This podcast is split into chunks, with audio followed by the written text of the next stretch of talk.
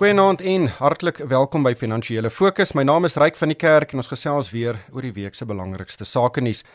My gaste vanaand is Mia Creer, sy's 'n fondsbestuurder by Creer Internasionaal. Goeienaand, Mia. Goeienaand Ryk, lekker om saam met jou te gesels. En ook Dr. Christie Viljoen, hy's 'n ekonoom by die Internasionale Audit en Konsultasiegroep PwC. Goeienaand Christie. Goeienaand Ryk en Mia en al die luisteraars. Wel die groot nuus van die week was die aankondiging dat Suid-Afrika se ekonomie in die eerste kwartaal van die jaar met 2% gekrimp het. Dit was die derde agtereenvolgende kwartaal waarin die ekonomie agteruitgeboor het. So ons is nou regtig uh, in uh, in 'n diep resessie. En uh, in die derde kwartaal van 2019 was die groeikoers minus 0,8% en in die vierde kwartaal was dit minus 1,4%. Christie, ek wil net hierdie minus 2% in perspektief stel. Dit beteken nie dat die ekonomie was op 31 Maart 2% kleiner as op 1 Januarie nie. Die 2% verwys na 'n seisoenaangepaste groeikoers op 'n jaargrondslag. En dit is basies 'n verwerking van die groeikoers in die eerste kwartaal asof dit vir die hele jaar was. Dit is 'n bietjie ingewikkeld, maar hoe, hoe moet ons kyk na hierdie minus 2%? Ja, dit is 'n bietjie ingewikkeld want ons het natuurlik in verskillende tye van die jaar verskillende seisonale faktore. Nou mense dink dadelik aan landbou as jy dink aan seisonaal, maar daar's ook sekere tye van die jaar waar mynbou stadiger en vinniger is. Daar's sekere tye wat kleinhandel vinniger en stadiger is. So dit is maar net 'n manier hoe ons probeer kyk na die momentum van die ekonomie. En soos jy gesê het, die vorige twee kwartaale het ons amper gesien dat hierdie resessie vinniger en vinniger word. 0.8% gekrimp, 1.4% tussen 2%. So wat dit vir ons sê is dat toe ons die eerste kwartaal klaar gemaak het, met ander woorde net voor ons in hierdie grendeltyd ingegaan het, het ons ekonomie reeds groot probleme gehad. Ons het reeds al hoe vinniger en vinniger in 'n negatiewe rigting beweeg. Nou, twee van die grootste faktore wat in die tweede in die eerste kwartaal vir ons teruggehou het, was mynbou en vervaardiging. Nou mynbou het natuurlik 'n knou gekry omdat van die wêreld se grootste ekonomieë wat ons mynbouprodukte koop, reeds in Januarie en Februarie en Maart regtig vaar baie sleg gedoen het weens die globale pandemie. Ons dink byvoorbeeld aan China wat se ergste maand in Februarie was, Maart ook natuurlik. Hulle is 'n groot aankoper van ons uitvoere van mynbougoedere. Nou vervaardiging het natuurlik ook 'n knou gekry soos mynbou van elektrisiteitsprobleme. Ons het weer uh, probleme gehad van Eskom se kant af met die verskaf van van krag. So dit was nou die twee grootstes wat uitstaan. Maar ek dink die klem wat ons moet maak is dat die 2% syfer wys vir ons dit is nie net die mynbou, dis nie, nie net die vervaardiging nie. Die ekonomie oor die algemeen was op 'n baie swak voet voor ons in hierdie grendelstaat ingegaan het. En ek dink dis die belangrikste boodskap wat ons eintlik moet kry tussendeur al hierdie syfertjies en sommetjies. Ons ekonomie was in die eerste kwartaal 0.1% kleiner as 'n jaar terug. Nou wat vir my altyd bekommer wanneer mense so som doen is, die bevolking het intussen gegroei. Ons bevolking groei teen omtrent 1.5%, die ekonomie kan net nie byhou nie. Dit is die die ek wou amper sê die die slegste deel van daai eerste kwartaal se nuus voor ons enigstens dink aan die tweede kwartaal en al die impakte wat die Grendelstaat op ons gehad het. Mia, hoe sien jy ja. hierdie minus 2%? Ja, ek kan dalk net byvoeg hier, uh, ryk dat wanneer ons kyk na die verwagting vir hierdie jaar, dan sien ons dat uh, dit reeds al hoe groter aangepas is deur ekonome plaaslik. En as ek luister na van die ekonome wat ek nou volg, is die verwagting op hierdie stadium dat 2020 'n ekonomiese inkrimping van 8.6% plaaslik gaan hê. Nou dit is 'n groot terugsak. Dit beteken dat ons 'n hele paar jaar se ekonomiese groei met ander woorde uh weer elimineer. En soos wat Christie ook nou genoem het, is die feit dat die dat die uh die die uh, werksmag jaar op jaar groei, beteken dat die Suid-Afrikaanse ehm um, BBP syfers die per capita inkomste van die land aansienlik laat krimp en ons moet omtrent 600 000 nuwe werke per jaar skep net om gelyk te kan breek met al die nuwe toetreders na die na die werksmag. So dit wys vir ons dat daar 'n enorme taak voor lê vir die vir die um, regering nie net in terme van wat hulle beleid is in terme hoe hulle besigheid uh, wil vergemaklik in Suid-Afrika nie, maar ook hoe hulle dit gaan implementeer want ons weet dit is waar die swakpunt lê en dit sal ons moet sien en dit is die hoop dat dit sal makliker raak om besigheid in Suid-Afrika te doen sodat die openbare sektor hierdie ekonomiese groei aan die aan die aan die brand kan kry.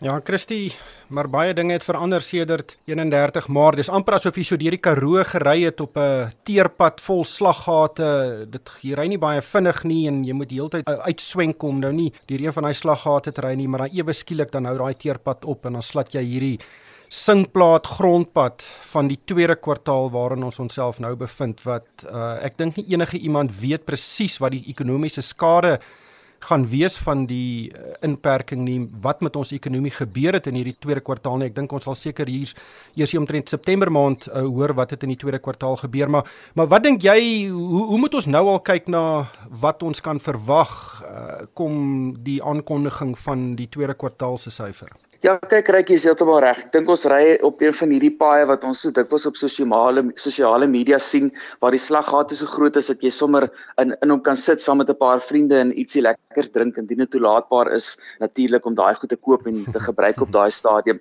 Uh die die groot onsekerheid van die tweede kwartaal word deur kom ons noem dit net maar twee groot faktore gedryf. Een, die die be, be, die uit, die bekendstelling van ekonomiese data het stadiger geword. Uh beide plaaslik en internasionaal, mens kan nou nie vingers wys nie. Dit kom daarop neer dat mense wat hierdie data bymekaar maak en verskaf, was nie noodwendig by die werk gewees vir 'n maand of twee nie. Hulle kon nie fisiese opnames van data doen nie. So dit is 'n groot probleem. Die ander uitdaging is omdat ons hier sit met 'n kom ons doen met 'n eens in 'n in 'n eeu tipe scenario, is daar nie so baie ervaring om presies te weet wat hier gebeur nie. Dis maklik om te sê in die geskiedenis het ekonomie 'n vinnige harde knou gekry en meeste spring weer vinnig terug, maar ek dink dit is redelik duidelik op hierdie stadium ons beweeg nou in die tweede helfte van 2020 in. Daar's soveel ekonomieë insluit in ons eie waar dinge regtig nog nie lyk asof ons kan sê dit was 'n vinnige harde val en dan spring ons terug nie. So daar's baie verskillende maniere hoe jy nou kan bereken wat in die tweede kwartaal gebeur het. Soos Mia sê, die daar's soos verskillende syfers vir uitskattings wat aangepas word.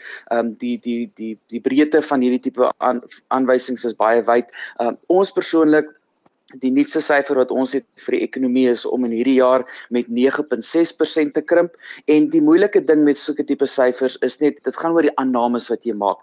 Jy moet aanneem byvoorbeeld in Suid-Afrika se geval op watter stadium Amerikaanse, Noord-Amerikaanse, Europese en Asiëse lande weer terug op hulle voete is. Uh, op watter stadium kry ons weer internasionale vlugte? Ons moet dink weer aan die moontlikheid dat van die provinsies dalk weer van 'n vlak 3 na 'n vlak 4 inperking kan beweeg. So ons beweeg op hierdie stadium in 'n terrein wat wat baie ekonome nie noodwendig altyd in beweeg het nie en dis waar jy nie noodwendig daagliks maar ten minste weekliks moet kyk daarna om van hierdie vooruitskattinge op te dateer en daarna moet jy nou kyk tussen deur al die geraas en al die grys inligting om presies te kan sien waar die korrekte aannames is. So daai jy gaan baie baie wye verduidelikings kry wat in die tweede kwartaal gebeur het en soos ons nou ons voet in die derde kwartaal insit, raak dit net nog moeiliker om presies antwoorde te hê as jy nie eens weet presies waar jy in April, Mei en Junie was nie. Maar jy sê nou jy verwag minus 9,6 vir die hele jaar. Ons het nou in die eerste kwartaal uh, 'n minus 2% syfer gesien. Wat moet dan wat moet die syfers dan wees in die tweede, derde en die vierde kwartaal om by 'n gemiddeld van 9,6% uit te kom? Ja kyk die die groot die groot moeilike faktor is daai tweede kwartaal. En uh die ekonome met wie ek ook saamgesels wat ons probeer om die goed uit te werk, hulle kyk daarna dat die ekonomie krimp met 20 of 30% in die derde kwartaal. Ons moet on, in gedagte hou dat vir 'n groot deel van ekskuus in die tweede kwartaal, 'n groot gedeelte van hierdie tweede kwartaal het baie van ons land se mense by die huis gesit. Van ons kon by die huis werk, baie van ons kon nie werk nie. Fabrieke was toe, myne was toe. Selfs toe ons kon terug kan, was daar maatskappye wat net nie weer oopgemaak het nie. Daar's meestal restaurante wat byvoorbeeld ook nog toe is. So daai derde kwartaal is 'n tweede kwartaal is 'n drastiese vermindering. Ons kyk nou na die Julie, Augustus, September periode, die derde kwartaal waar dit heelwat beter behoort te gaan. Ons is nou op vlak 3. Daar's hoop onder sekere mense dat ons dalk by 'n vlak 2 inperking kan kom wat mens natuurlik meer vryheid gee en dan hopelik wanneer ons nader aan die einde van die jaar kom, wanneer van ons natuurlik nog hoop dat daar iets is soos 'n Desember vakansie dat dinge aansienlik beter gaan lyk. Maar daai somme is regtig waar uitdagend soos ek sê omdat ons werk op so baie aannames en soveel onbekende datapunte en dit is hoekom soos Mia ook genoem het elke keer as jy met iemand praat oor hulle vooruitskatting dan lyk hy weer 'n klein bietjie anders en dit is nou maar ongelukkig die situasie waarin ons is dat ons hierdie tipe vooruitskattings gedurig moet aanpas. Mia ons het nou baie slegte nuus gehoor by Christie maar in die tweede kwartaal het die Suid-Afrikaanse aandelemark met 26% gespring Dis sy grootste sprong in omtrent 20 jaar in 'n kwartaal. En as ons kyk na internasionale markte is die Nasdaq indeks en Amerikaanse markte amper op rekord hoogtepunte nadat hulle ook skerp geval het in Maart. En dan is daar ook vooruitsigte vir baie baie slegte internasionale ekonomiese groei. Hierdie hierdie twee wel die aandelemark teenoor die ekonomie dit maak mos net nie sin nie.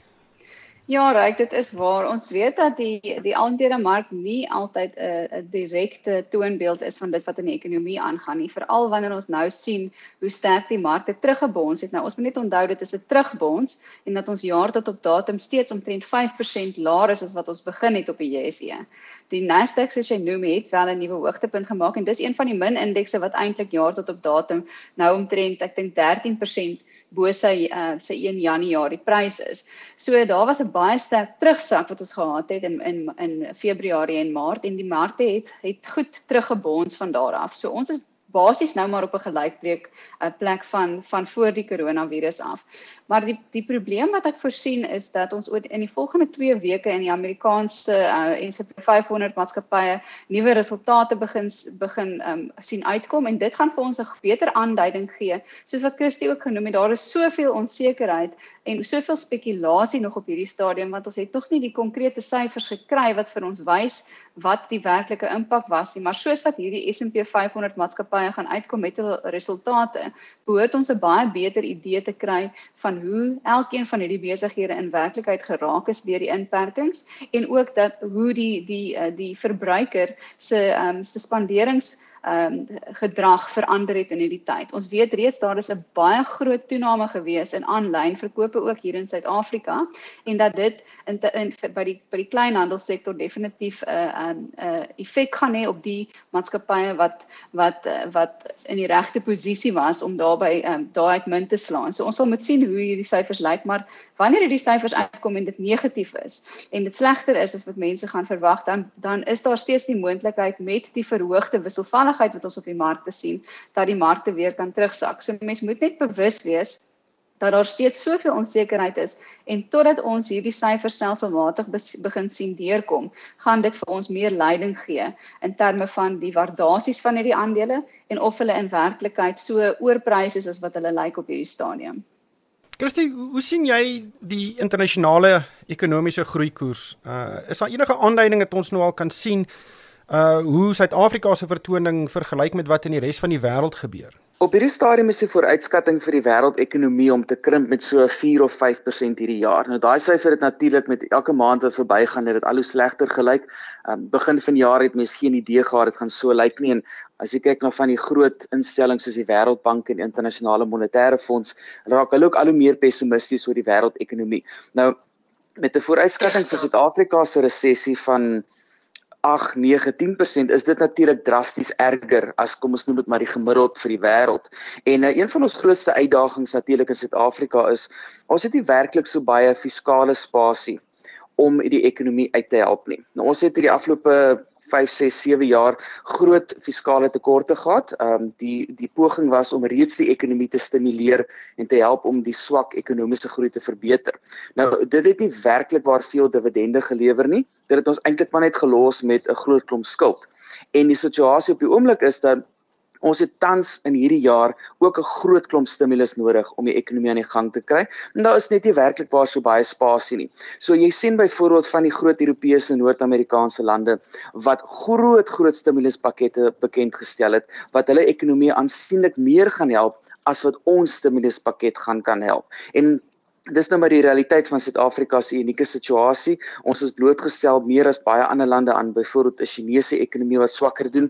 Ehm um, maar uit 'n plaaslike oogpunt is dit ons regeringsfinansies wat nie werklik vir ons op hierdie stadium soveel van 'n hulpstoot kan gee soos wat ons in 'n klomp ander lande sien nie. En dis maar een van die groot verduidelikings hoekom ons slegter sal doen as die wêreldekonomie in geheel in hierdie moeilike jaar. Mia, die hoe, hoeveel van hierdie slegte nuus is reeds ingeprys in ons markte en in die wisselkoers?